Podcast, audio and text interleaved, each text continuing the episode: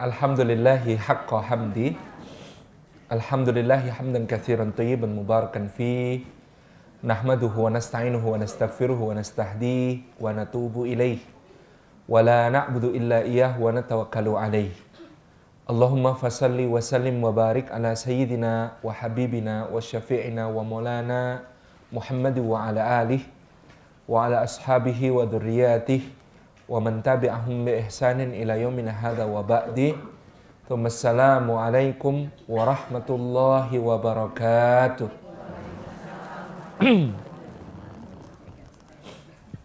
Puji syukur kehadirat Allah Subhanahu wa taala atas limpahan karunia-Nya pada pagi yang indah ini Allah menghimpun kita di satu rumah di antara rumah hamba Allah yang insya Allah penuh berkah Mudah-mudahan setiap langkah yang kita tempuh menuju ke tempat ini tiap tapaknya menjadi pemudah jalan kita semua menuju ke surga.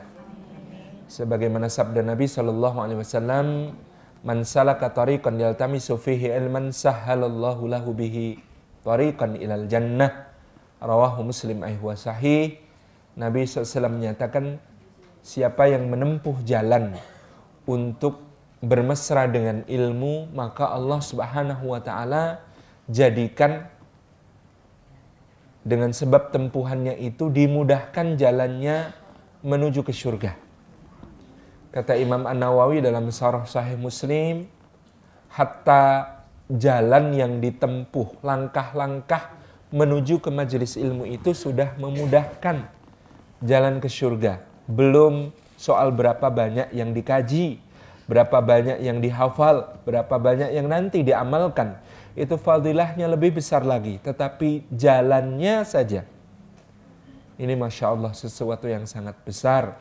Keberkahannya mendekatkan kita pada mudahnya jalan ke surga.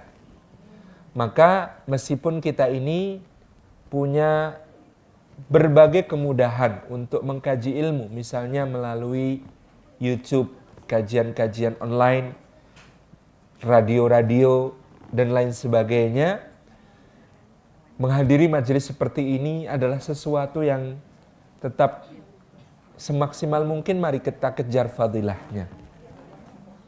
Sekarang banyak kajian di streaming secara online.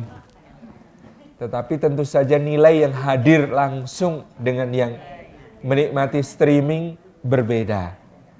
Berbedanya kadang-kadang saya nilai pada keberkahan yang dirasakan. Ibu-ibu yang dirahmati Allah, kadang-kadang di YouTube ada kajian ustadznya orang salih, ilmunya ilmu yang sahih, yang disampaikan dengan cara yang baik dan benar, dengan santun, dengan penuh akhlak mulia. Tetapi majelisnya menjadi hilang berkahnya, bukan pada ustadznya, bukan pada yang hadir di majelis itu, tapi terlihat dari komentar-komentarnya. Kadang-kadang di bawahnya, di bawah video yang baik, isinya ilmu yang baik, karena ada pro kontra, kemudian komentarnya, na'udzubillahi menggelari saudara dengan gelaran yang buruk. Termasuk saya tidak suka kalau ada yang memanggil sesama muslim sebagai cebong maupun kampret. Kalau bisa kita hindari hal-hal semacam ini. Menggelari dengan gelaran yang buruk, menggelari atau menyebut kejelekan atau bahkan membongkar aib atau bahkan mencaci maki atau bahkan memandang rendah dan menjelekkan yang lain hanya karena berbeda pendapat dan ironisnya berbeda pendapat tentang satu ilmu yang datang dari Allah dan Rasulnya Sallallahu Alaihi wa alihi wasahbihi wasallam. Bu ibu bapak-bapak yang dirahmati Allah ada bapak-bapaknya gak sih? Ada ya? Oh ada ada. Alhamdulillah saya ada, ada Faris juga. Calon bapak semua ini bu, mohon doanya. Istri saya hamil ke-8, insya Allah anak keempat, mohon doanya. ya. Apa? iya. Ini sudah menjelang HPL, maka ini saya jadwal keluar kota terakhir sebelum libur 40 hari. Mulai besok saya suami siaga, insya Allah di Jogja. Mas Faris istrinya hamil tiga bulan, mohon doanya juga. Ini, Alhamdulillah, ini bapak-bapak siaga sebenarnya. Jadi, Masya Allah, Subhanallah ini yang kita ingin hindarkan. Maka indahnya bermajlis seperti ini itu kita datang saja sudah mengucap salam. Kalau kita sudah mengucap salam, Assalamualaikum, senyum gitu ya. Nggak mungkin habis itu mau bertengkar. Nggak logis, kita baru saja mendoakan salam sejahtera untukmu. Juga rahmatnya Allah, berkahnya Allah. Kan nggak mungkin habis itu kita kelahi. Apalagi senyum, Masya Allah, sodakah yang sangat indah. Apalagi kemudian itu tasawufah, saling bersalaman. Ada salafus saleh itu saling bersalaman, gak mau saling melepas. Kenapa? Mereka mendengar hadis, selama orang bersalaman, dua muslim bersalaman, dosa-dosa mereka berguguran. Dan yang lebih utama dari dua orang yang bersalaman adalah yang tidak terlebih dahulu melepaskan genggaman tangannya. Makanya Dua-duanya nggak mau saling melepaskan genggaman tangan. Sampai akhirnya harus pergi ke masjid bareng karena mau sholat berjamaah. Ya terpaksa kemudian genggamannya lepas. Karena karena mau takbiratul ihram. Masya Allah. Lalu duduk kita bersama-sama gitu ya. Berada dalam suasana yang penuh ukhuwah. Ini satu berkah yang luar biasa sehingga kemudian Nabi SAW menyebut ghasyat humur rahmah wa sumul malaikah wa nazalat alaihimus sakinah wa dzakarahumullahu fiman indah. Duduk bermajelis seperti ini dicurah-curahi rahmat Allah. Indah sekali karena rahmat Allah itu kasih dan sayangnya sekaligus. Kalau cuma dikasih, kata Allah yarham Kiai Zainuddin MZ, jangan senang. Karena yang dikasih belum tentu disayang. Tapi kalau disayang biasanya dikasih. Kalaupun tidak dikasih pasti karena sayang. Kalau ada anak kecil minta petasan sama korek api umurnya baru 4 tahun dikasih nggak bu? Enggak. Kenapa kok nggak dikasih? Karena sayang. Jangan-jangan ada doa kita yang belum dikabulkan Allah. Kenapa Allah nggak ngasih-ngasih? Karena sayang. Ini kalau dikasih bahaya ini.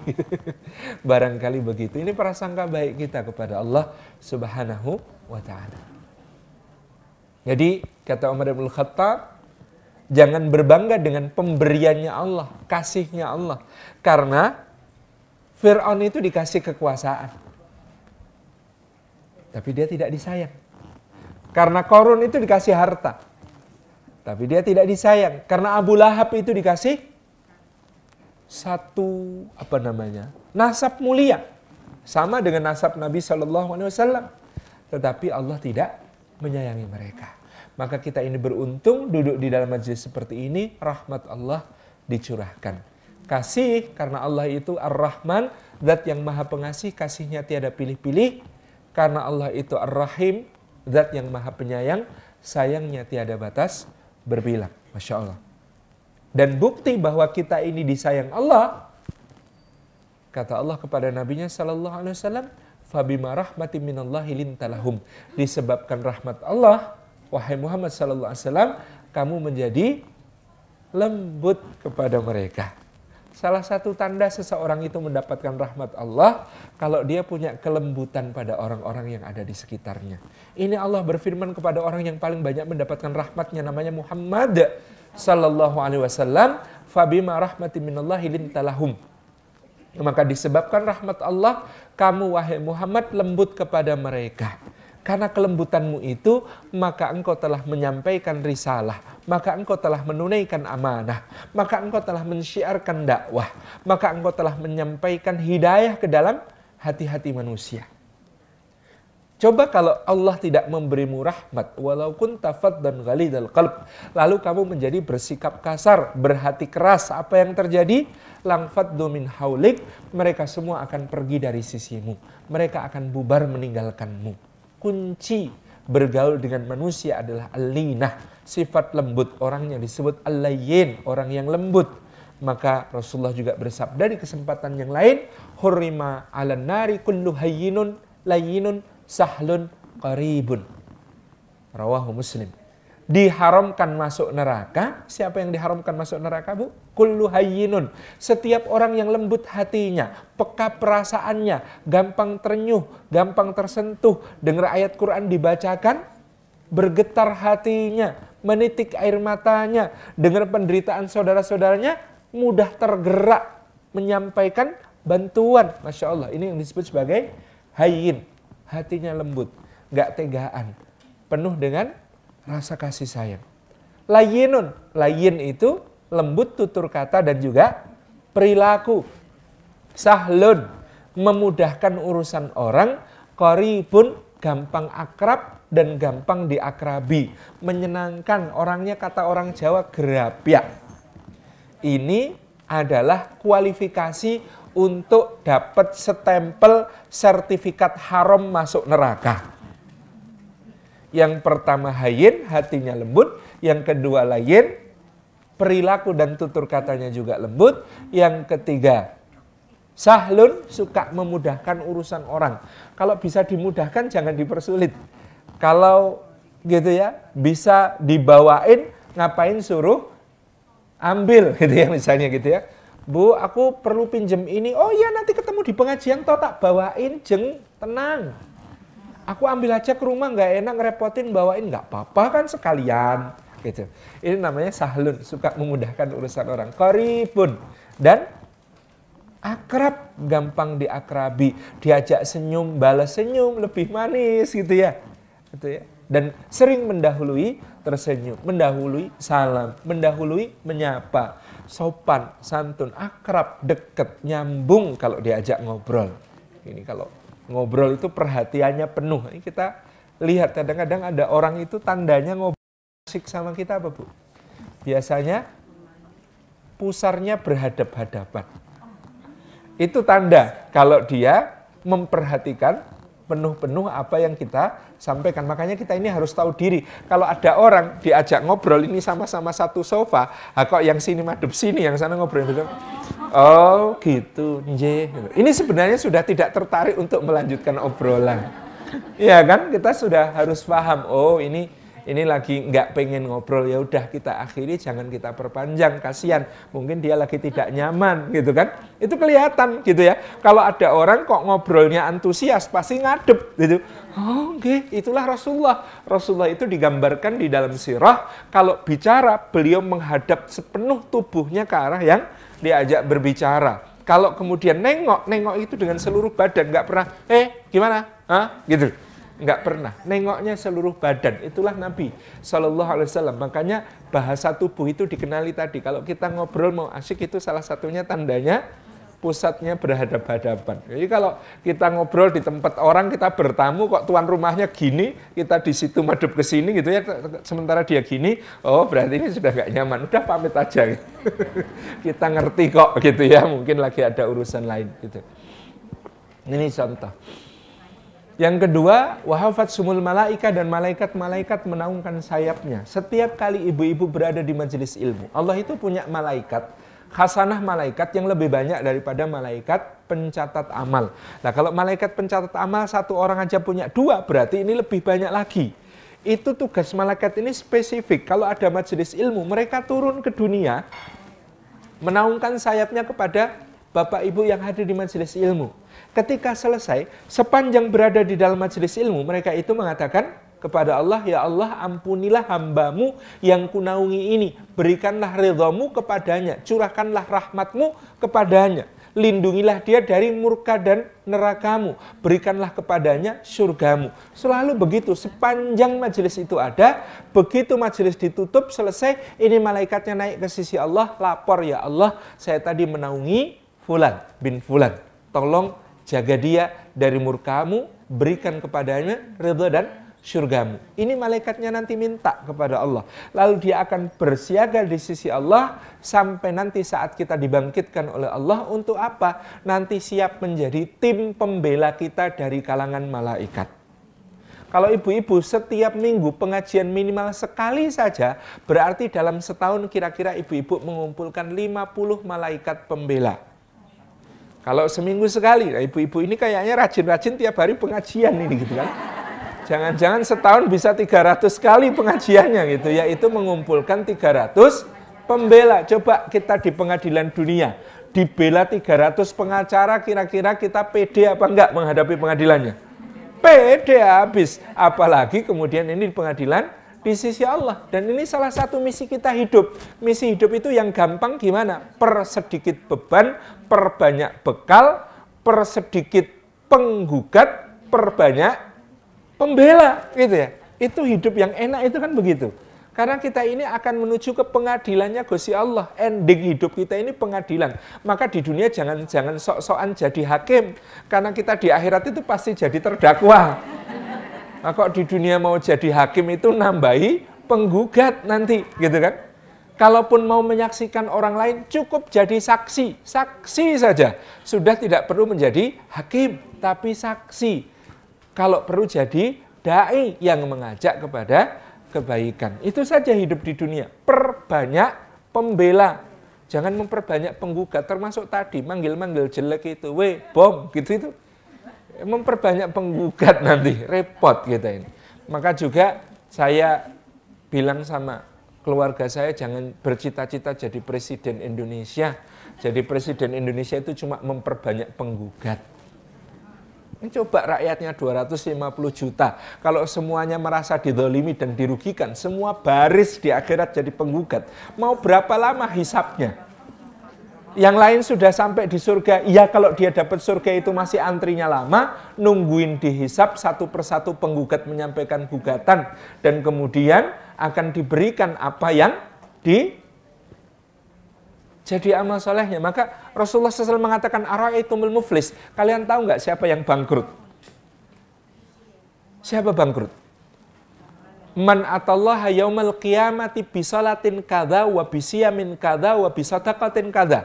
Ada orang datang di hari kiamat menghadap Allah dengan pahala sholat yang sangat banyak, pahala sodakoh sangat banyak, pahala puasa sangat banyak.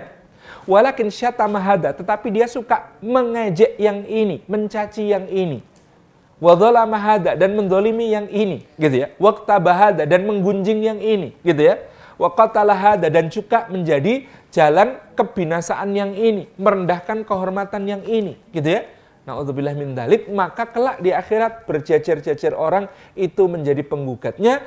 Begitu dia tergugat, maka setiap kali penggugat maju, diambil amal kebaikannya untuk membayar kerugian orang kepada dirinya. Selesai, habis, nanti dulu penggugat masih banyak, amal solehnya habis, maka dosanya orang yang menggugat akan diberikan kepadanya sebagai ganti atas kedolimannya di dunia, sampai kemudian selesai seluruh penggugatnya. Fadalikal muflis itulah orang yang bangkrut, kata Nabi Shallallahu Wasallam. Maka kalau kita pengen melayani umat, itu jangan mengaju-ajukan diri. Berat, karena hadisnya orang yang mengajukan diri untuk satu amanah maka Allah melepaskannya. Tetapi kalau dia tidak berambisi, dia tidak berkeinginan, maka Allah nanti akan membantunya. Ibu-ibu yang dirahmati Allah, Umar bin Abdul Aziz itu begitu jadi khalifah, badannya langsung kurus, kering. Kalau malam kerjaannya nangis, mikirin rakyat dan juga memikirkan nasib dirinya kelak di hadapan Allah Subhanahu wa taala itu ketika dia duduk di kursi khalifah, itu dalam sirah digambarkan, dalam tarikh digambarkan, itu dia tangannya tremor. Gemeteran. Itu Umar bin Abdul Aziz. Umurnya belum tua, 35 tahun. Ini gini tangannya, tremor. Karena lemahnya tubuhnya yang dia sangat ketat terhadap dirinya itu. Tetapi gitu ya. Karena dia sama sekali tidak berambisi atas jabatan itu. Allah yang kemudian membantunya. Khalifah sebelum dia namanya Walid bin Abdul Malik. Badannya sterek bu. Perkasa kuat gitu. Khalifah sebelum dia sesudah Walid namanya Sulaiman bin Abdul Malik. Badannya kuat tinggi besar gitu tapi dua khalifah ini kalau sama gubernur yang namanya Hajat bin Yusuf, kalau sama gubernur yang namanya Khalid bin Abdullah Al-Qasri, itu kayak anak ayam begini, ketakutan. Sama gubernurnya sendiri nggak berani menindak. Gubernurnya berbuat dolim luar biasa. Hajat itu membunuh 120 ribu orang. Dan 80 ribu orang mati di penjaranya tanpa pengadilan itu sampai Umar bin Abdul Aziz waktu masih belum jadi khalifah mengatakan kalau seluruh bangsa dan umat membawa penjahatnya masing-masing dan membanggakan penjahat mereka. Kita bawa hajat satu orang, kita bisa ngalahin mereka semua. Karena kejahatannya hajat ini. Saking luar biasanya. Ini khalifah-khalifah sebelumnya nggak ada yang berani sama gubernur-gubernur yang zalim ini. Begitu Umar bin Abdul Aziz jadi khalifah, dia tulis surat untuk Khalid bin Abdul Al-Qasri, gubernur yang zalim yang berkuasa di Mekah. Kalau kamu baca suratku ini, datang kepadaku dalam keadaan tanganmu dibelenggu, minta tiga orang untuk mengawalmu, gitu ya, ikat dirimu dengan rantai, jalan kaki ke sini. Surat itu dibaca Khalid bin Abdullah Al-Qasr yang dulu kalau ditegur sama khalifah sebelumnya, itu kemudian dia mengatakan apakah Amirul Mukminin ingin tetap menjadi khalifah atau berhenti hari ini. Lalu enggak enggak enggak enggak enggak, enggak, enggak gitu. Maka membaca suratnya Umar bin Abdul Aziz itu Khalid bin Abdul Al-Qasri gemeteran, Bu. Bukan karena takut kepada Umar bin Abdul Aziz, tetapi siapa yang ada di belakang Umar bin Abdul Aziz? Allah Subhanahu wa taala jalan dia ke Damaskus. Bayangin dari Mekah ke Damaskus jalan kaki di rantai. Padahal ini dulu gubernur, kalau ke mana-mana yang ngawal ribuan orang dengan parade kebesaran yang luar biasa. Ini jalan di kala tiga orang menghadap ke Damaskus. Sampai di Damaskus itu, Umar bin Abdul Aziz tangannya begini, tremor begini. Kamu masuk ke penjara aku dan akan aku umumkan ke seluruh negeri siapa yang punya keberatan terhadapmu pernah dirugikan untukmu akan persilahkan mereka untuk mengajukan semua gugatannya di sini, di hadapanku. Tidak akan aku lepaskan kamu sebelum semua selesai. Jalan sendiri bu, masuk penjara sendiri, nutup pintunya sendiri. Luar biasa, gitu ya.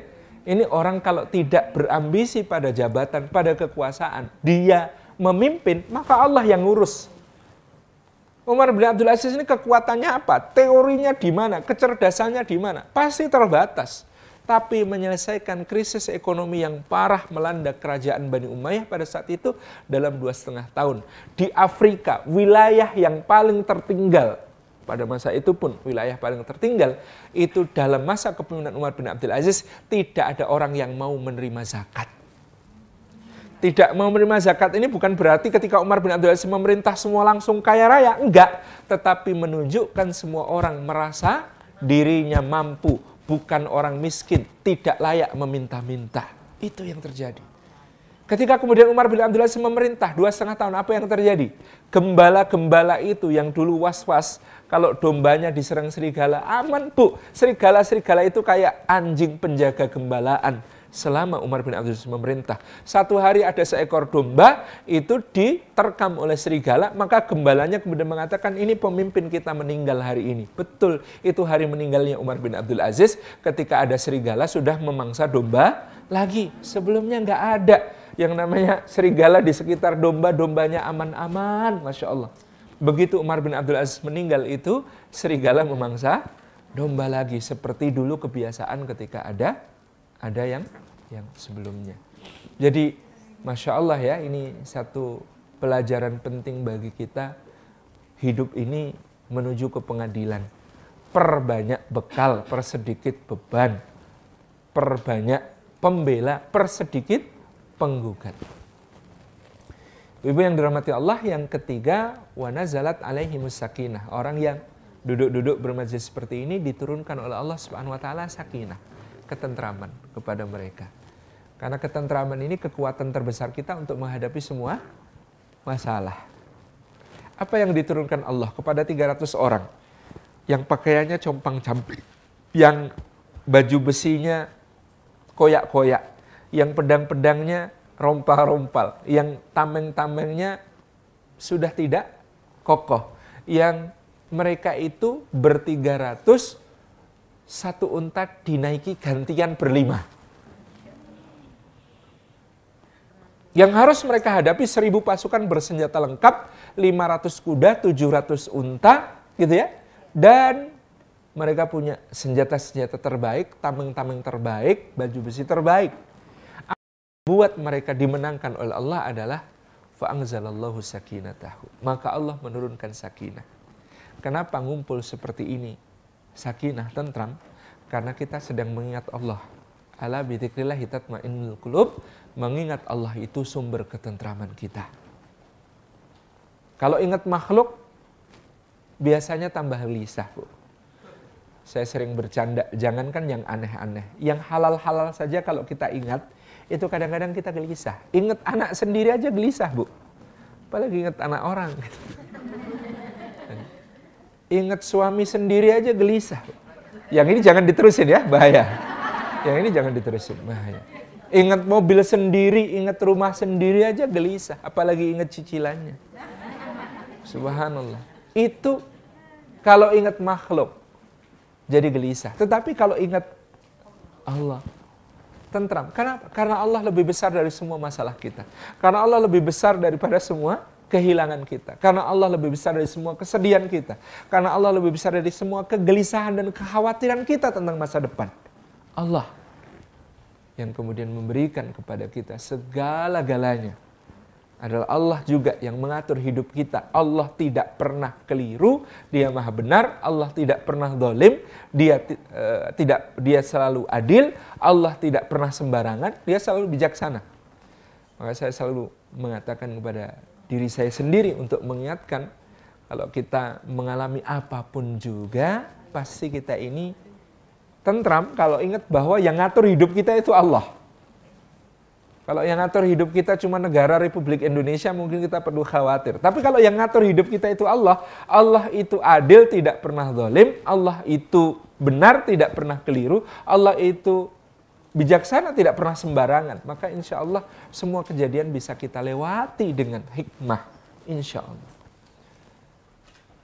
Wa nazalat alaihi sakinah. Di situlah ketentraman kita. Yang terakhir wa dzakarahumullahu fiman indah dan Allah menyebut-nyebut nama kita semua dengan bangga pada makhluk-makhluk mulia yang ada di sisinya. Bangga Allah Subhanahu wa taala menyebut nama kita dan mudah-mudahan dengan itu kita lebih terkenal di langit daripada di bumi. Terkenal di bumi itu merepotkan. Kalau nggak percaya tanya Ustadz Abdul Somad. Repot. Jadwalnya itu penuh sampai 2020 itu yang untuk keluarga kapan coba? Susah jadi orang terkenal itu. Mau check in aja petugas check in minta selfie. Mau boarding petugas boarding ngajak foto bareng. Di dalam pesawat jamaah ini ngobrol, jamaah itu ngobrol, nggak habis-habis, nggak berhenti-berhenti. Capek bu jadi orang terkenal itu. Capek sekali. Saya aja nggak terkenal aja capek bu apalagi yang terkenal. Itu ya.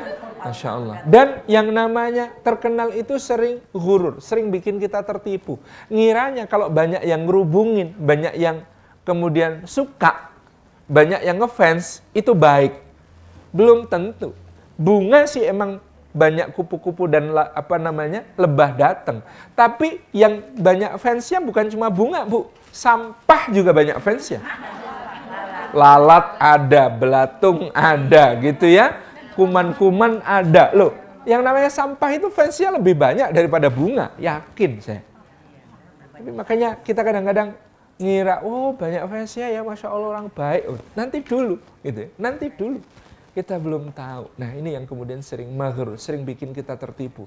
Alhamdulillah saya punya istri yang selalu mengingatkan, bah itu orang banyak itu ketika abah ngisi pengajian ngira abah orang baik. Tapi kan yang ngerti aslinya aku. iya, kalau semua orang yang di luar sana ketemu Abah cuma sejam dua jam itu bilang apa baik gitu ya. Tapi istrinya yang tiap hari ketemu bilang alah gitu. Nah, selesai gitu kan. Saksi utama itu kan keluarga kita. Saksi utama itu tetangga kita. Makanya Nabi SAW mengatakan khairukum khairukum li ahli. Yang terbaik di antara yang terbaik kepada keluarganya. Gitu ya. Itu memang bukti paling nyatanya di keluarganya. Yang terbaik di antara kalian, yang terbaik kepada keluarganya. Masya Allah. Makanya enak itu kayak Nabi Ibrahim. Terkenalnya setelah meninggal. Itu nikmat sekali. Itu Nabi Ibrahim ketika hidup, yang kenal, yang sayang, yang doain, dikit bu. Dikit. Sekarang ribuan tahun sesudah beliau wafat, itu yang berdoa, kama salaita ala Ibrahim wa ala ali Ibrahim. Ratusan juta orang. Coba bayangkan. Kita, itu ya, membaca dalam Al-Quran Allah berfirman kepada Ibrahim alaihissalam wa ading finnasi bil hajj wahai Ibrahim panggil manusia untuk berhaji waktu itu Ibrahim bertanya ya Allah gimana aku memanggil nah iya pengeras saja nggak punya apalagi akun Facebook akun Instagram broadcast WhatsApp nggak punya bu. Nabi Ibrahim gimana caranya aku manggil? Kata Allah, tugasmu manggil, aku yang mendatangkan. Maka hari ini hampir 4 juta orang tiap tahun mendatangi panggilannya Ibrahim alaihissalam yang antri lebih banyak lagi. Di Jogja antrinya 23 tahun. Subhanallah. Gitu ya. Kayak apa gitu ya. Nabi Ibrahim itu kayak apa? indahnya hidupnya beliau alaihi salatu wassalam ketika beribu-ribu tahun setelah wafat orang masih menyebut-nyebut kebaikannya. Kita kadang-kadang ada orang terkenal ketika hidup terkenal sekali. Bersin jadi berita pakai sepatu jadi cover majalah. Itu ya.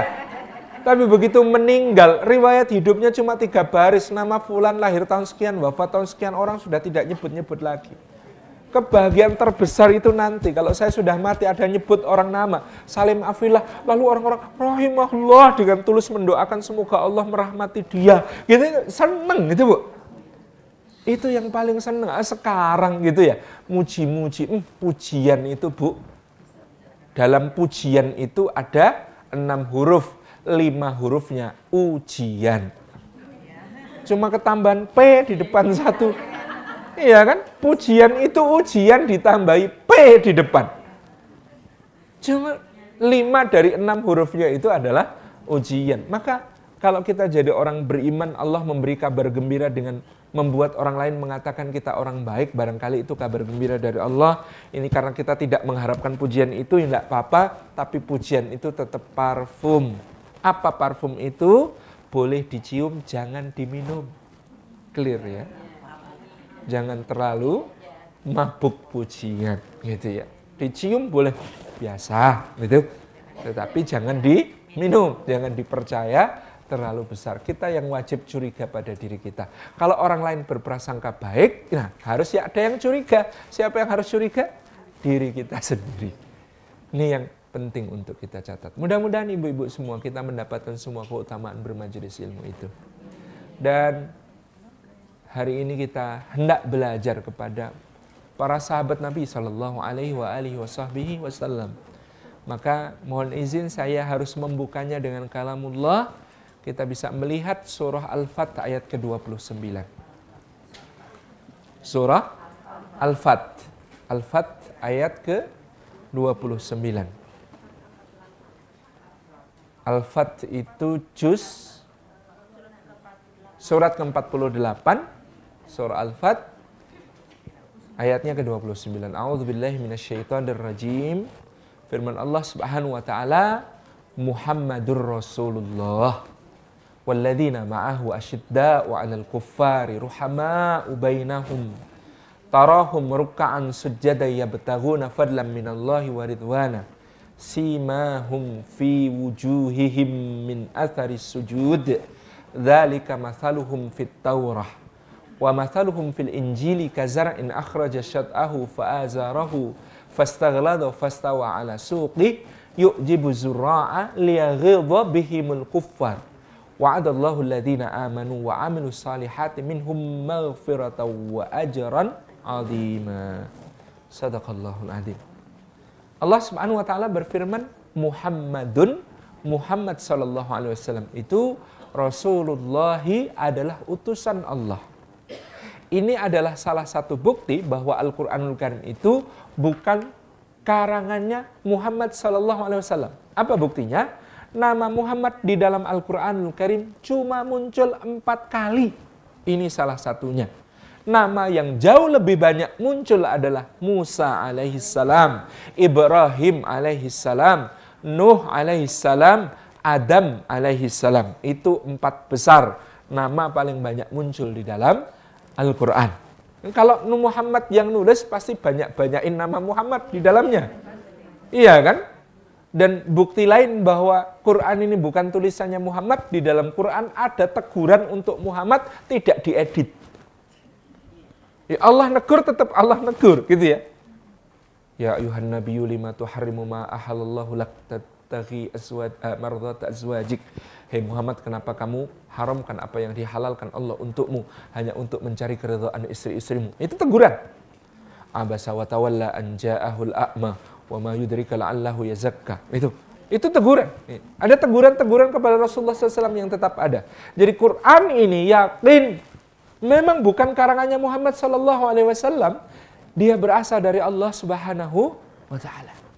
Maka Allah di sini menegaskan Muhammadur Rasulullah. Muhammad itu adalah utusan Allah. Rasulullah Muhammad itu kata Imam As-Suyuti dalam Lubabun Nukul fi Asbabin Nuzul mengutip Ibnu Abbas, nama beliau di dalam Taurat adalah Himdah, nama beliau di dalam Injil adalah Ahmad, nama beliau di dalam Al-Qur'an adalah Muhammad. Jadi di dalam Taurat perjanjian lama nama beliau adalah Himdah dan ini masih ada di dalam perjanjian lamanya teman-teman Nasrani maupun Tauratnya teman-teman Yahudi sampai sekarang kata himdah ini di terjemahan bahasa Inggris lupa nggak diterjemahkan? Di versi Raja James maupun versi edisi yang direvisi dalam kitab uh, perjanjian baru dan lama yang digabungkan yang di apa namanya dipakai oleh teman-teman Nasrani, saya masih membaca ada ayat di dalam perjanjian lama yang berbunyi bahasa Inggrisnya and will come the himdah of all nations dan himdah segala bangsa akan datang. Itu perjanjian baru edisi terjemahan oleh Lembaga Alkitab Indonesia juga tidak diterjemahkan, cuma ditulis dan akan datang himdah segala bangsa. Masya Allah, kalau Allah menghendaki bukti-bukti itu tegak, maka tetap ada Rasulullah namanya tertulis di dalam Taurat meskipun sudah disimpangkan.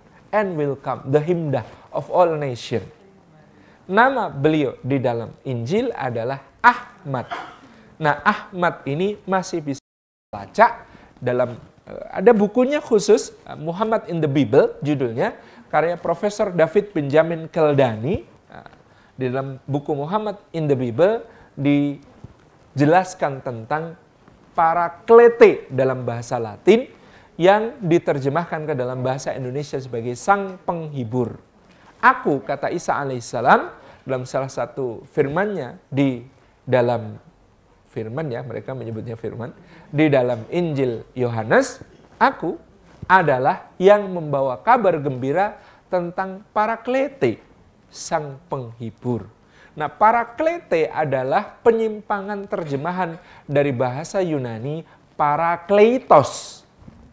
Para kleitos itu bukan penghibur.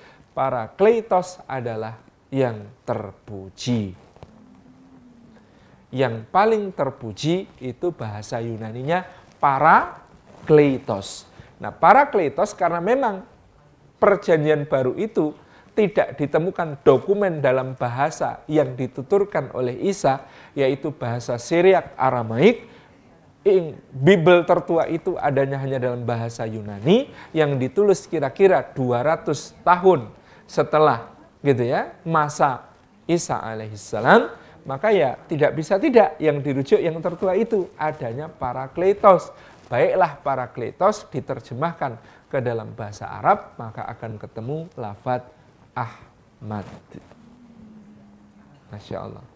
Dan nama beliau di dalam Al-Quran adalah Muhammad sebagaimana nama yang beliau sandang sebagai cucu Abdul Muthalib karena kakeknya lah yang memberi nama inilah Muhammad bin Abdullah bin Abdul Muthalib alaihi salatu wassalam. Ibu-ibu yang dirahmati Allah, Allah mengatakan tentang nama Rasulullah SAW, warafa'na laka dhikrak. Warafa'na laka dhikrak. Dan telah kami tinggikan sebutan namamu di sisi kami. Tidak ada nama nabi yang lain yang disandingkan dengan kalimat tauhid kecuali namanya Muhammad sallallahu alaihi wasallam. Dakwahnya nabi-nabi sebelum Muhammad SAW itu tauhidnya ya anik butullaha wa atiun agar kalian menyembah Allah dan taat kepadaku. Tetapi dalam risalah Muhammad sallallahu alaihi wasallam syahadat tauhid tidak lengkap tanpa syahadat Rasul. Kalimat tauhid itu lengkapnya berbunyi la ilaha illallah Muhammadur Rasulullah. Pasti diikuti dengan nama Muhammad sallallahu alaihi wasallam. Bu ibu yang dirahmati Allah, Demikian pula nama Muhammad itu nama yang tidak bisa diejek karena kalau mau mengejek harus memuji dulu. Ada cerita begini. Satu hari Rasulullah dan Abu Bakar As-Siddiq sedang berdiri bersandar di dinding Ka'bah. Datanglah kemudian Ummu Jamil, istrinya Abu Lahab. Istrinya Abu Lahab ini baru marah-marah karena baru saja turun surah Al-Lahab yang kemudian nyebut-nyebut dia ikut terlaknat bersama suaminya. Maka dia cari-cari Rasulullah SAW sampai dekat Ka'bah, dia lihat Abu Bakar. Woi, Abu Bakar, di mana temanmu itu? Rasulullah sebenarnya di samping Abu Bakar As-Siddiq. Di mana temanmu itu? Hei, dia mau menghinaku dengan syair rupanya. Oh, dia tidak tahu. Aku ini juga penyair. Akan ku balas syairnya. Mudammaman abaina. Wa dinahu qalaina. Wa amruhu asoina. Nah, itu syairnya Ummu Jamil. Apa artinya?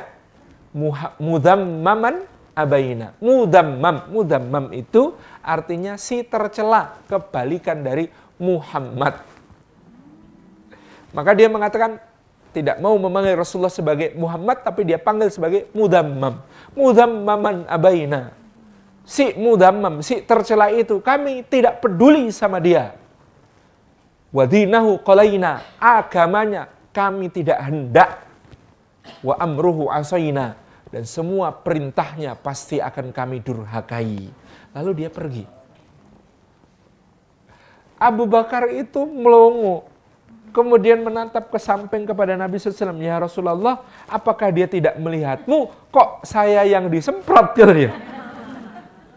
Kata Rasulullah SAW, Hai Abu Bakar, tidakkah kau perhatikan bagaimana Allah selalu menjagaku dan bahkan juga menjaga namaku? Jadi Ummu Jamil ini ditutupi pandangannya dari melihat Rasulullah SAW. Sekaligus pula kata Nabi SAW, mereka itu selalu menghina Mudammam. Lah Mudammam itu siapa? Aku ini kan Muhammad, bukan Mudammam. Jadi ini adalah kenapa nama Muhammad itu nggak bisa diejek. Karena kalau mau mengejek, misalnya ada orang mau mengejek waktu itu, Muhammad gila gitu ya. Muhammad itu artinya orang yang terpuji mau menghina dia gila harus muji dulu. Kan nggak enak gitu. Susah. Ini mau saya hina tapi harus saya puji dulu gitu. Itu nggak bisa. Maka orang-orang Quraisy itu tidak bisa menghina Muhammad. Yang mereka lakukan adalah menghina mudammam nah, padahal kalau kemudian mereka nyebut mudammam mudammam itu siapa? Kan nggak kena lagi ejekannya gitu jadi nggak pernah bisa disasar dengan ejekan. Inilah kenapa nama Muhammad ini sesuatu yang sangat agung. Dulu saya pernah ingin anak-anak saya saya kasih nama Muhammad semua. Pengennya begitu. Tapi saya kemudian mendengar waktu itu dari seorang dosen Umul Qura, seorang syekh, kemudian beliau cerita saya berada dalam sebuah daurah di Bosnia Herzegovina, kata dia. Saya itu ngisi daurah tentang sirah nabawiyah. Ketika saya ngisi daurah sirah nabawiyah, ada seorang bapak itu ngajak anak-anaknya gitu ya, duduk di dalam daurah itu dan setiap kali saya menjelaskan dengan antusias bapak itu menjelaskan tentang Rasulullah SAW kepada kedua anaknya yang ada di sampingnya. Sangat Bapak ini antusias dan sepanjang saya ngisi daurah matanya sering bercucuran ketika mendengar kisah Nabi Shallallahu Alaihi Wasallam. Maka setelah selesai saya mendekatinya saya bertanya Bapak kenapa anda tampak begitu apa namanya haru sekali? Iya saya sangat cinta sangat rindu kepada Rasulullah SAW tapi saya tidak tahu apakah saya layak mendapatkan cintanya Rasulullah SAW saya selalu jelaskan kepada anak-anak saya tentang Rasulullah SAW saya ajari mereka cinta kepada beliau Kemudian saya tanya, siapa nama anaknya? Namanya anaknya ini, namanya anaknya ini. Terus ditanya, loh kok nama anak anda tidak pakai nama Rasulullah? Tidak pakai Muhammad, kenapa? Justru karena saya sangat cinta kepada Rasulullah, saya tidak mau ngasih nama anak saya Muhammad. Kenapa tidak mau ngasih nama anak saya Muhammad? Karena saya takut kalau satu saat saya muarah kepada anak saya. Saya manggil anak saya pakai suara tinggi, yang saya panggil adalah nama Rasulullah SAW. Ini cinta yang luar biasa. Gitu ya. Jadi kadang-kadang ada orang yang sangat cinta kepada Rasulullah, anaknya dinamai Muhammad semua. Ini juga boleh, gitu ya. Ini juga adalah sebuah bukti cinta kepada Rasulullah SAW. Dan memang sebaik-baik nama itu Muhammad gitu ya. Setelah itu Abdullah, Abdurrahman gitu ya. Tapi nama-nama terbaik itu nama-nama varian dari Muhammad, nama Rasulullah SAW. Ini juga adalah alasan. Tapi kalau ada alasan lain yang kemudian itu adalah juga cinta, kita nggak bisa nyalain. Contoh, kok bapak nama anaknya nggak dikasih nama Muhammad? Ya itu tadi, saya takut kalau nanti pas saya marah gitu ya, saya manggil anak saya pakai nada tinggi, wow, namanya disebut gitu ya. Itu nama yang saya sebut adalah nama Rasulullah SAW. Saya tidak ingin berkata-kata tinggi tentang nama Rasulullah Sallallahu Alaihi Wasallam. Masya Allah ya. Ini cara bagaimana orang cinta menghormati. Ini kadang-kadang sesuatu yang perlu kita perhatikan. Maka di masa Nabi Shallallahu Alaihi Wasallam, sahabat-sahabat itu mencintai Rasulullah, sebenar-benar mencintai Rasulullah Shallallahu Alaihi Wasallam. Ini kita kalau belajar sunnah, gitu ya, belajar sunnah pertama-tama sunnah itu adalah bagaimana kita selalu bertanya kepada diri kita, gitu ya, apakah kita cinta kepada pemilik sunnah ini, Muhammad SAW. Yang kedua, kita selalu bertanya ketika menghadapi satu masalah. Apa yang dilakukan oleh pemilik sunnah ini seandainya berada dalam keadaan kita. Yang ketiga, ketika kemudian kita belajar sunnah ini, apakah hakikat dari sunnah itu? Sunnah itu tidak ada kecil, tidak ada besar ketika kita lakukan dengan alasan cinta. Yang keempat, kita sebut dia sebagai sunnah gitu ya kalau kemudian dia mendekatkan manusia kepada kecintaan kepada Allah dan Rasulnya, bukan sebaliknya. Saya tadi bingung mau menyampaikan apa, kita kita bahas ini aja ya. ya. Satu, Muhammadun Rasulullah. Muhammad itu utusan Allah, pembawa sunnah yang luar biasa. Maka yang pertama yang namanya sunnah itu cinta kepada Rasulullah SAW. Gak ada gitu ya, disebut sunnah kalau tidak dilandasi cinta. Meskipun dia sholatnya persis seperti sholatnya Rasulullah. Puasanya persis seperti puasanya Rasulullah. Meskipun dia sodakohnya persis seperti sholat Rasulullah. Manasik haji atau umrohnya persis seperti yang dilakukan Rasulullah. Tapi kalau di hatinya tidak ada cinta kepada Rasulullah SAW. Maka demi Allah itu bukan sunnah. Ada seseorang pernah berkata, oh yang namanya ziarah ke makam Rasulullah SAW itu tidak termasuk fardu haji, rukun haji, wajib haji, sunnah haji, enggak, enggak termasuk. Jadi enggak perlu diprioritaskan.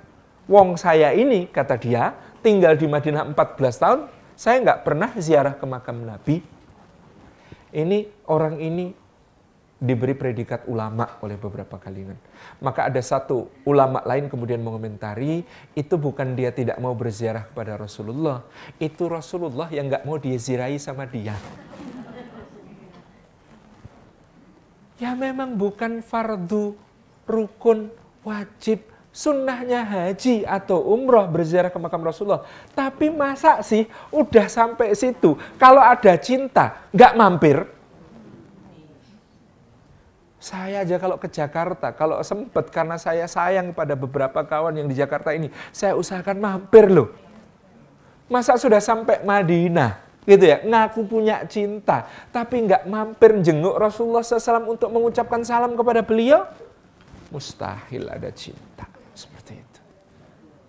Cinta itu Kadang-kadang memang tidak dijelaskan dan kadang-kadang cinta itu nyun sewu pada beberapa pembahasan para ulama misalnya Imam Asyuti dalam menjelaskan tentang cinta kepada Rasulullah kadang-kadang hukum dikalahkan cinta. Contoh pada perang Uhud. Nabi Shallallahu Alaihi Wasallam terluka, Bapak Ibu yang dirahmati Allah. Di dalam perang Uhud itu, Sayyidina Talhah bin Ubaidillah karena sudah kehabisan senjata, pedangnya patah, busurnya sudah rusak, kemudian anak panahnya habis, gitu ya. Tamengnya juga sudah koyak, dia sudah tidak punya apa-apa lagi untuk berperang, yang tersisa tubuhnya. Maka apa yang dilakukan? Ini oleh Talha dijadikan sebagai tameng untuk badan Nabi Shallallahu Alaihi Wasallam sehingga Talha ini dalam perang Uhud terluka di 70 bagian tubuh. Ada yang tusukan tombak, ada yang sabetan pedang, ada yang kemudian juga hunjaman anak panah. Dua jarinya hilang, satu tempurung lutut juga hilang. Ini Sayyidina Talha. Kemudian mengucur darahnya deras sekali pada saat itu. Beliau berkata apa? Rabbi khud bidami hadal yaum hatta tarda. Ya Allah ambil darahku hari ini sampai engkau ridha. Kemudian Nabi SAW ini karena terluka, beliau di sini ada tiga cincin besi ini melesak ke dalam pelipis beliau, nancep ke dalam.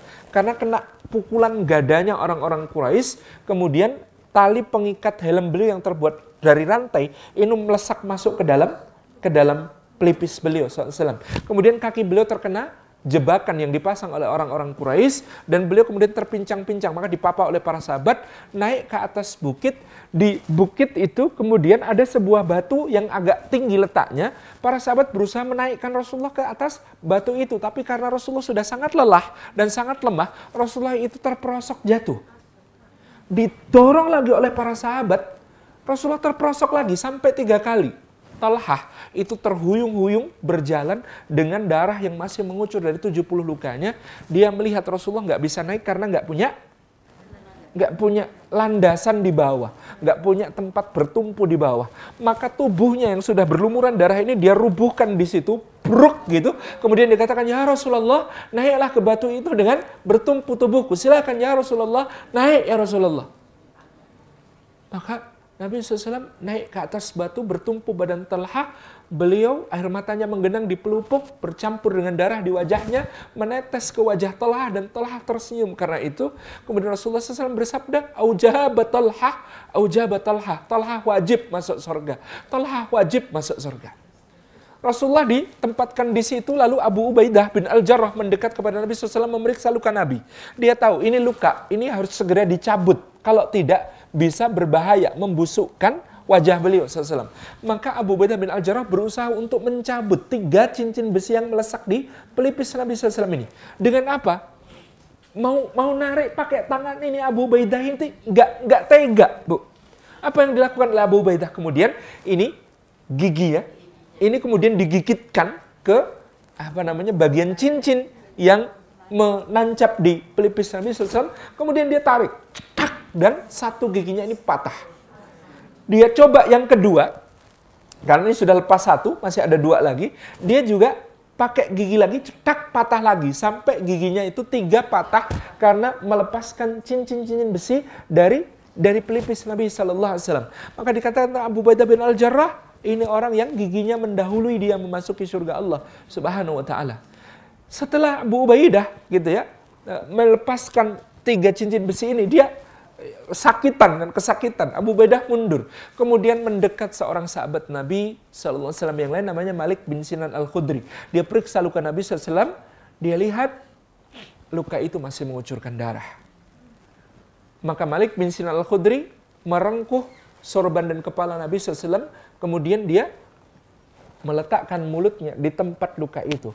Dia sedot semua darah yang ada di situ sampai penuh seluruh mulutnya. Kemudian dia sobek bagian bajunya, lalu dia tempelkan dan ikat, bebatkan kuat-kuat pada bekas luka Rasulullah supaya darah tidak mengucur lagi. Nabi SAW melihat Malik bin Sinan al-Khudri ini di mulutnya, ini masih ada darah beliau. Bahasa Jawanya mucu-mucu. Maka Nabi SAW bersabda kepadanya, muntahkan ya Malik. Kata Malik, lah, oh, oh, muntahkan. Muntahkan. Di kali ketiga, Malik bin Sain al-Khudri kemudian menelan seluruh darah Nabi SAW. Kemudian dia berkata dengan bercucuran air mata, Ya Rasulullah, sekarang ada darahmu di dalam tubuhku. Aku mohon engkau mendoakan kepada Allah agar kelak kita di surga bisa berdekatan ya Rasulullah. Bapak Ibu, apa hukumnya minum darah? Haram.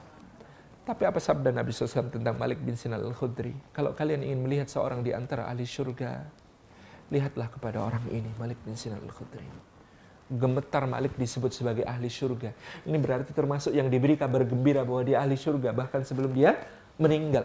Maka kemudian Malik bin Sinan al-Khudri, gemetarnya cuma sebentar, Bu. Pedangnya itu yang tadi digenggam jatuh sebentar, langsung dia ambil lagi. Kemudian dia apa yang dilakukan? Dia maju, berlari menyongsong ke arah musuh yang datang menyerbu, dan waktu itu kemudian dia gugur syahid. Ketika nanti ditemukan jenazahnya tidak ada luka di bagian belakang. Di punggung itu nggak ada luka sama sekali. Lukanya semua bagian depan. Menunjukkan dia tidak pernah mundur dan tidak pernah melarikan diri. Ini kecintaan para sahabat kepada Nabi Shallallahu Alaihi Wasallam sunnah itu cinta gitu ya sunnah itu cinta sunnah itu Bagaimana kemudian perasaan kita membuncah-buncah tiap kali menemukan tentang Rasulullah SAW yang juga bisa kita amalkan. Kita lakukan itu. Hatta itu perkara yang sederhana. Anas bin Malik itu satu saat melihat Rasulullah SAW itu makan, kemudian beliau disuguhi labu yang direbus jadi sup. Jadi ini labu dikasih sup dicampur kuah daging gitu kan. Lalu Rasulullah SAW itu makan labu itu lahap sekali. Kata Anas bin Malik, aku tidak pernah melihat Rasulullah makan selahap itu, kecuali saat beliau makan labu. Maka sejak saat itu, karena aku tahu Rasulullah suka makan labu, aku mencampurkan labu kepada makanan Rasulullah SAW. Dan sejak saat itu pula, ke dalam makananku, selama bisa dicampur labu, aku campur labu. Ini tanda cinta. Ini tanda cinta. Pengen segalanya sama, pengen segalanya diikuti untuk menghubungkan dirinya dengan yang dicintai. Karena memang sunnah ini kenapa landasannya pertama-tama cinta? Karena yang mengantarkan kita kepada kedudukan yang mungkin mudah-mudahan menghimpun kita bersama Rasulullah SAW di surga. Bukan seberapa banyak kita mengamalkan amalan-amalan beliau, tetapi seberapa besar kita mencintai beliau. Ada orang badui datang bertanya kepada Nabi SAW, Ya Rasulullah, mata sah, ya Rasulullah, kapan kiamat? Kata Nabi SAW, apa yang sudah kau siapkan menghadapinya? Orang itu mengatakan, La illa wa ana wa rasulah. Tidak ada kecuali bahwa aku ini cinta kepada Allah dan Rasulnya. Nabi SAW bersabda kepadanya, Anta ma'aman ahbabta. Engkau akan bersama dengan yang kau cintai. Rawi hadis ini bu, dalam Bukhari maupun Muslim adalah Anas bin Malik. Dan Anas bin Malik berkomentar tentang hadis ini. Apa komentarnya Anas bin Malik? Diriwayatkan oleh Muslim. Anas bin Malik berkata, Waqala rawi Berkata rawi yaitu Anas bin Malik tentang hadis ini, aku sangat bahagia dengan sabda Nabi, engkau akan bersama dengan yang kau cintai. Kenapa? Kata Anas bin Malik, karena aku ini amalku, ibadahku, sholatku, zakatku, sodakohku, tilawah Quranku, qiyamul lailku, ibadah-ibadah sunnahku, jihadku, tidak ada seujung kukunya Umar, tidak ada seujung kukunya Abu Bakar, apalagi Nabi Shallallahu Alaihi Wasallam tetapi kata Anas bin Malik, aku mencintai mereka. Maka dengan sebab cinta itu, aku berharap kelak di surga, surgaku sama dengan surganya mereka. Cinta. Yang kedua, Bapak Ibu yang dirahmati Allah, Allah Subhanahu wa taala sunnah itu adalah bertanya kepada diri kita. Menempatkan diri kita pada Rasulullah Sallallahu Alaihi Wasallam. Kalau dihadapkan pada persoalan seperti ini, apa yang dikatakan Nabi Sallallahu Alaihi Wasallam? Apa yang dikatakan apa yang diambil pilihan sikap, apa yang akan dilakukan oleh Nabi dalam peristiwa seperti ini. Pertanyaan selalu begitu. Karena itulah sunnah sebagai tanda cinta yang kedua ini. Makanya saya dulu nulis sambil nangis-nangis ketika teman-teman pada rame membahas orang tua Nabi di neraka apa di surga. Saya katakan, pernahkah kita bertanya, kepada diri kita. Bagaimana perasaan Nabi Shallallahu Alaihi Wasallam ketika ada orang bertanya ya Rasulullah bapakku? Nabi berkata bapakmu di neraka. Orang itu nangis. Kemudian Nabi SAW memeluknya dan berkata abi wa abu kefinar demikian pula bapakku dan juga bapakmu ada di neraka. Pernahkah kita berpikir seperti apa perasaan seorang anak yang tidak pernah melihat ayahnya yang hanya sebentar melihat ibunya, yang sangat rindu kasih sayang mereka, yang tergambarkan bahwa ayah dan ibunya adalah orang-orang terbaik yang dihadirkan Allah sebenarnya untuknya, tapi tidak pernah dijumpainya, lalu bicara tentang mereka, ditanyain di neraka. Gimana perasaannya? Enggak, kalau kita cinta Rasulullah, kita enggak akan punya keberanian untuk menghas itu. Tapi para ulama dulu, Imam Asyuti, ketika kemudian menegur orang-orang yang membahas persoalan ini mengatakan, kenapa? Kenapa kalian masih membahas tentang itu? Padahal satu, aku meyakini ayah dan ibu Rasulullah hidup di masa fatrah. Masa fatrah itu masa di mana tiada risalah. Maka mereka akan dibangkitkan sebagai orang yang berada dalam masa fatrah. Lalu Allah akan bertanya kepada mereka dan Allah yang akan menegakkan hujah atas mereka.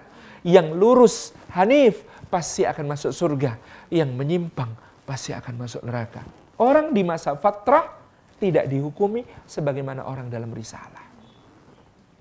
Pertanyaannya kata Imam Suyuti, kok Nabi mengatakan abi wa abu kafinar, ayahku dan ayahmu neraka. Siapa yang dimaksud ayah di situ?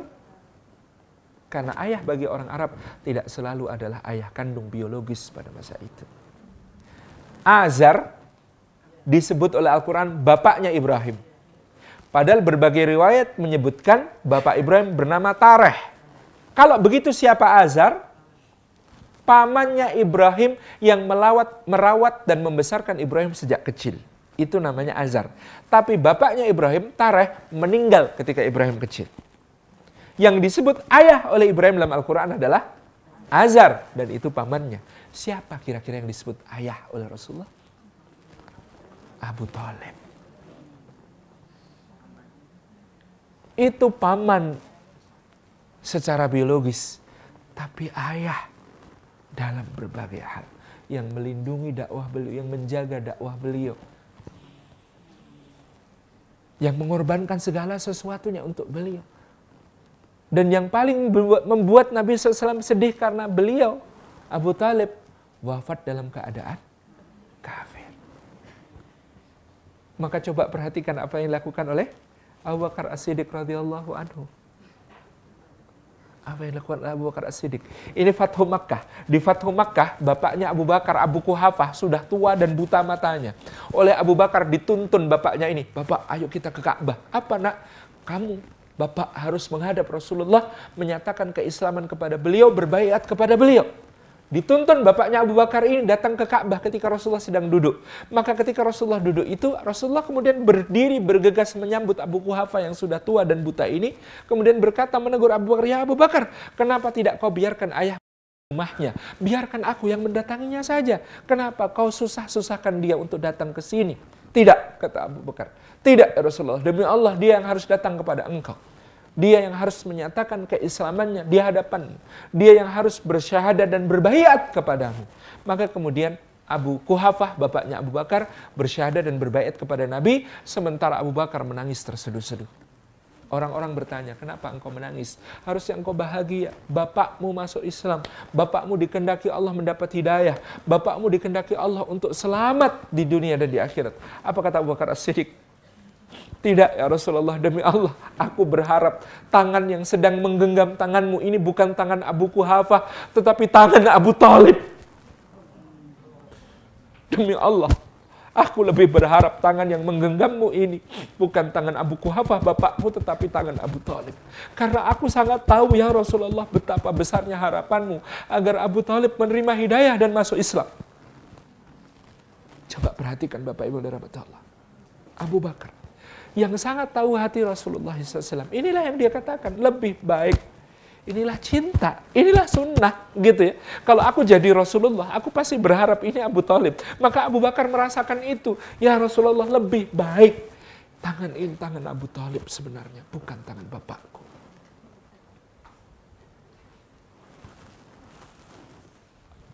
Abdullah bin Umar bin Khattab protes kepada ayahnya. Ayah, saya dan Usamah umurnya sama.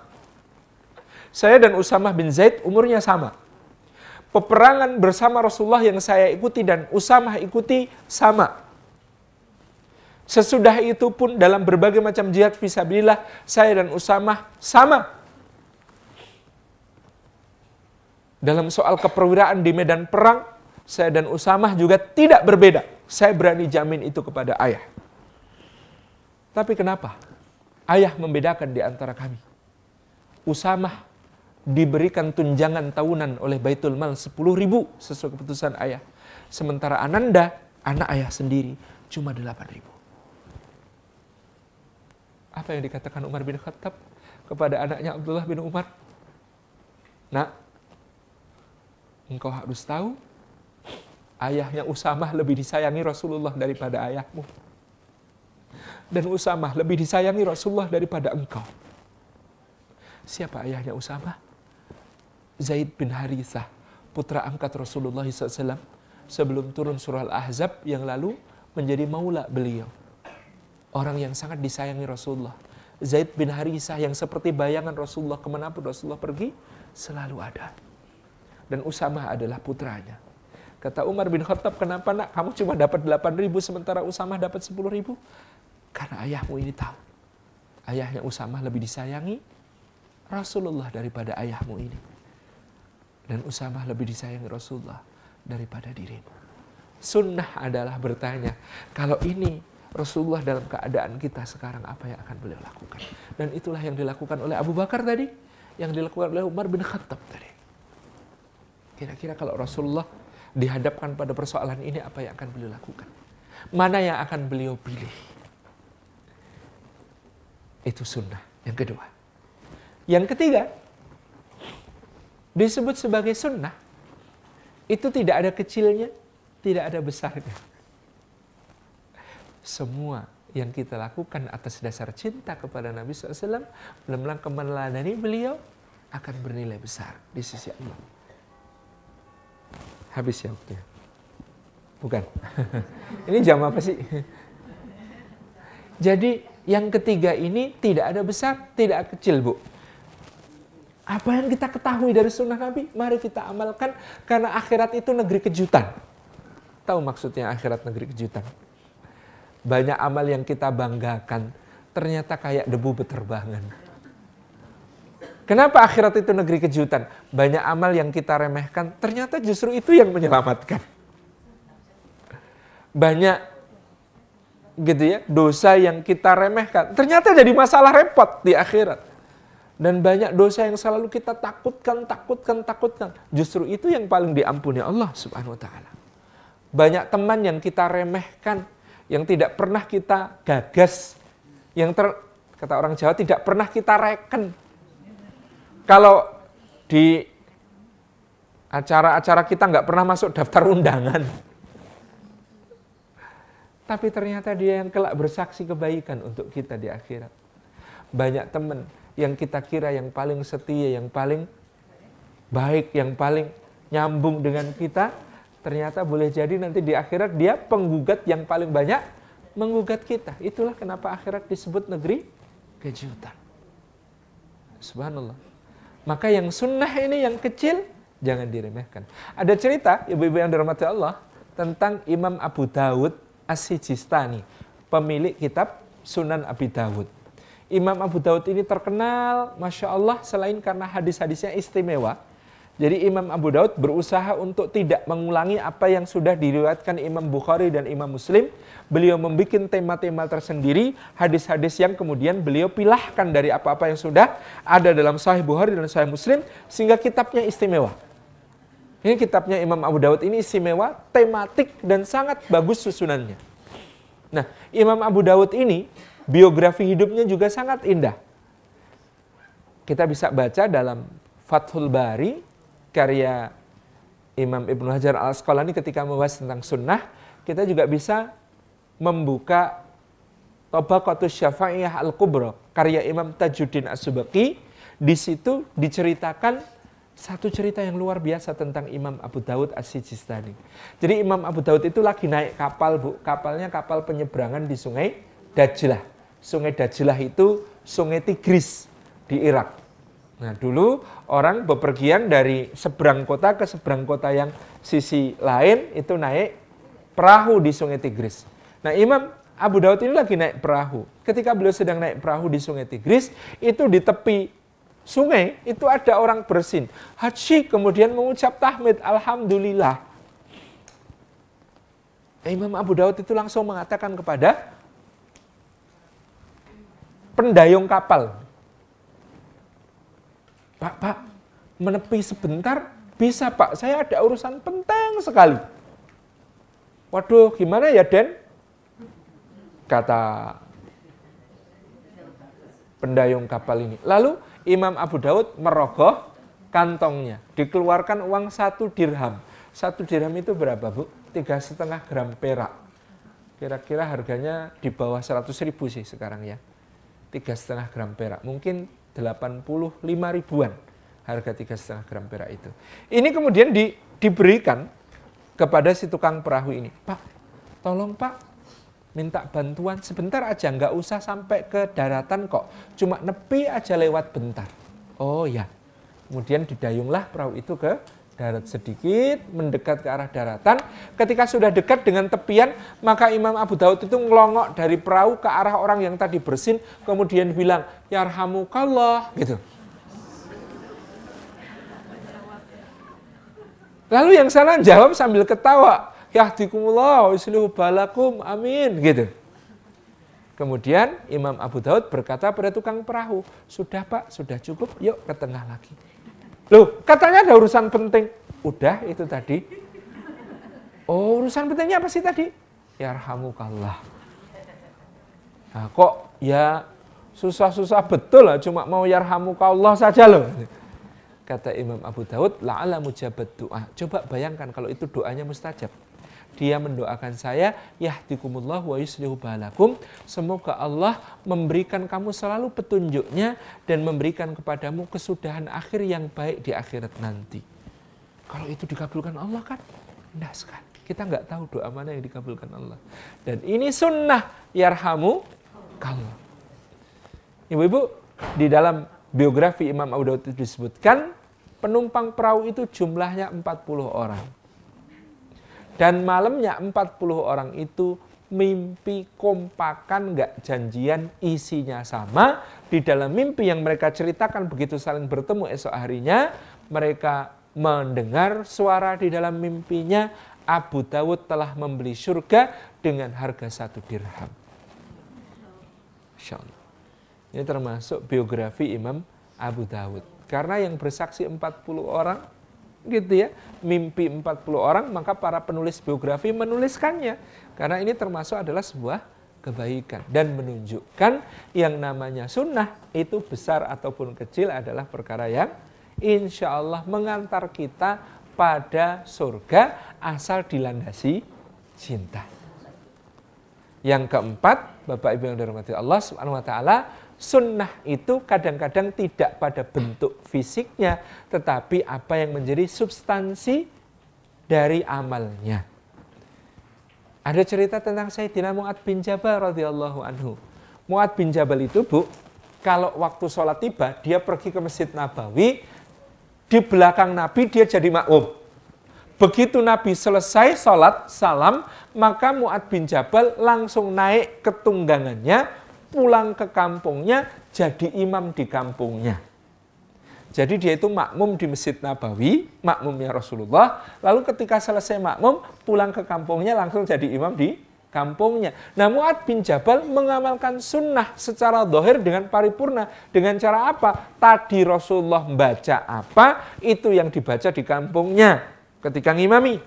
Tadi Rasulullah sholatnya sepanjang apa, itu yang kemudian dia lakukan di kampungnya. Tadi Rasulullah sujudnya diperpanjang, maka dia juga sujudnya diperpanjang.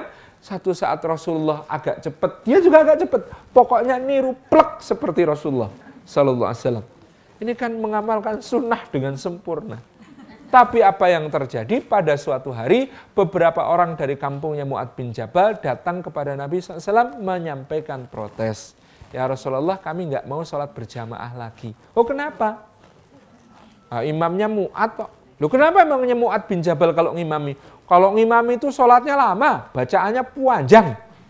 Padahal kami ini orang kampung, pekerjaannya banyak gitu ya. Ladang-ladangnya jauh, kami ini cuma buruh. Waktu kami itu terbatas, kami nggak bisa sholat sepanjang itu dan seketat itu seperti yang dilakukan oleh Mu'ad bin Jabal. Kami nggak mau sholat berjamaah lagi kalau gitu ya Rasulullah. Nah, karena ini Mu'ad bin Jabal dipanggil Hei Mu'ad, apakah engkau hendak menjadi fitnah? Apakah engkau hendak menebarkan satu perpecahan? Apakah engkau hendak menjadikan Allah dan Rasulnya bahan olok-olokan dan syiar-syiar Allah ditinggalkan? Ditegur begitu Mu'ad bin Jabal gemeteran nangis. Saya salah apa ya Rasulullah? Maka Nabi SAW bersabda, kamu mengimami kaummu sholatmu terlalu panjang, bacaanmu terlalu panjang. Kami Jabal, lah sebentar ya Rasulullah. Saya ini kalau sholat, persis pelak sholatmu ya Rasulullah. Engkau baca apa, saya baca itu juga di kampung saya. Sepanjang apa engkau sholat, sepanjang itu pula saya sholat ya Rasulullah. Maka Rasulullah tertawa, kata beliau, oh kalau begitu maklum ya Mu'ad, makmummu berbeda dengan makmumku, jamaahmu berbeda dengan jamaahku. Beda. Maka ringankanlah untuk mereka, ringankanlah dengan membaca Sabbihisma Rabbikal A'la. Ternyata Rasulullah menganjurkan Mu'ad bin Jabal untuk membaca Sabbihisma Rabbikal A'la dan beliau bersabda, bacalah yang ringan untuk mereka, bacalah Sabbihisma Rabbikal A'la. Jadi ternyata yang ringan itu Sabbihisma Rabbikal A'la, bukan Inna atau Inna Kal Kausar. Tapi ini saya bilang begini pada orang Jogokarian, kata orang Jogokarian, Sabisma itu ringan untuk kampungnya Mu'atat. Kalau Jogokarian ya tetap wal asri gitu kan. Itu. Jadi hakikatnya di sini kita menemukan sunnah itu apa? Kadang-kadang bukan niru plek. Lo niru plek bisa malah keliru. Kalau kemudian ada imam ngimami sholat, di masjidnya. Saya mau persis Rasulullah. Tapi kemudian jamaahnya bubar, nggak mau sholat di situ. Itu namanya bukan mengamalkan sunnah. Kalau ada orang gitu ya mengajarkan sunnah-sunnah Nabi Shallallahu Alaihi Wasallam, lah kok orang makin jadi takut, makin jadi nggak mau beragama. Aku ogah ah kayak gitu, fanatik, serem. Aku ogah ah kayak gitu, ekstrim. Tahu ekstrim bu? Ada rasa vanila, stroberi, coklat es krim. Masya Allah ya. Nah ini bukan hakikat sunnah. Hakikat sunnah itu bikin orang makin ketagihan beribadah. Hakikat sunnah itu orang makin ketagihan pergi ke masjid. Hakikat sunnah itu orang makin ketagihan pergi ke majelis ilmu. Hakikat sunnah itu orang makin ketagihan untuk mengkaji, mengkaji, mengkaji. Terus semakin kuat komitmennya di dalam beragama. Jadi ini empat hakikat sunnah yang ingin saya sampaikan. Tadi yang pertama sunnah itu cinta. Yang kedua sunnah itu bertanya, kalau ini terjadi Rasulullah kira-kira ngapain? Yang ketiga sunnah itu tidak ada besar, tidak ada kecil. Kalau semua kita bisa amalkan, lakukan karena Allah dan karena cinta kepada Rasulullah. Yang keempat yang namanya sunnah itu hakikat bukan sekedar tampilan dohir. Allah alam bisawab, demikian yang dapat kita sampaikan. Saya kembalikan ke Bukati sebagai MC. Uh, eh, jadi kita membahas ayat ke-29 surah Al-Fat baru dapat satu kata. Muhammadur Rasulullah. Lain waktu insya Allah ya. Mudah-mudahan bisa kita sambung. Saya kembalikan. Assalamualaikum warahmatullahi wabarakatuh.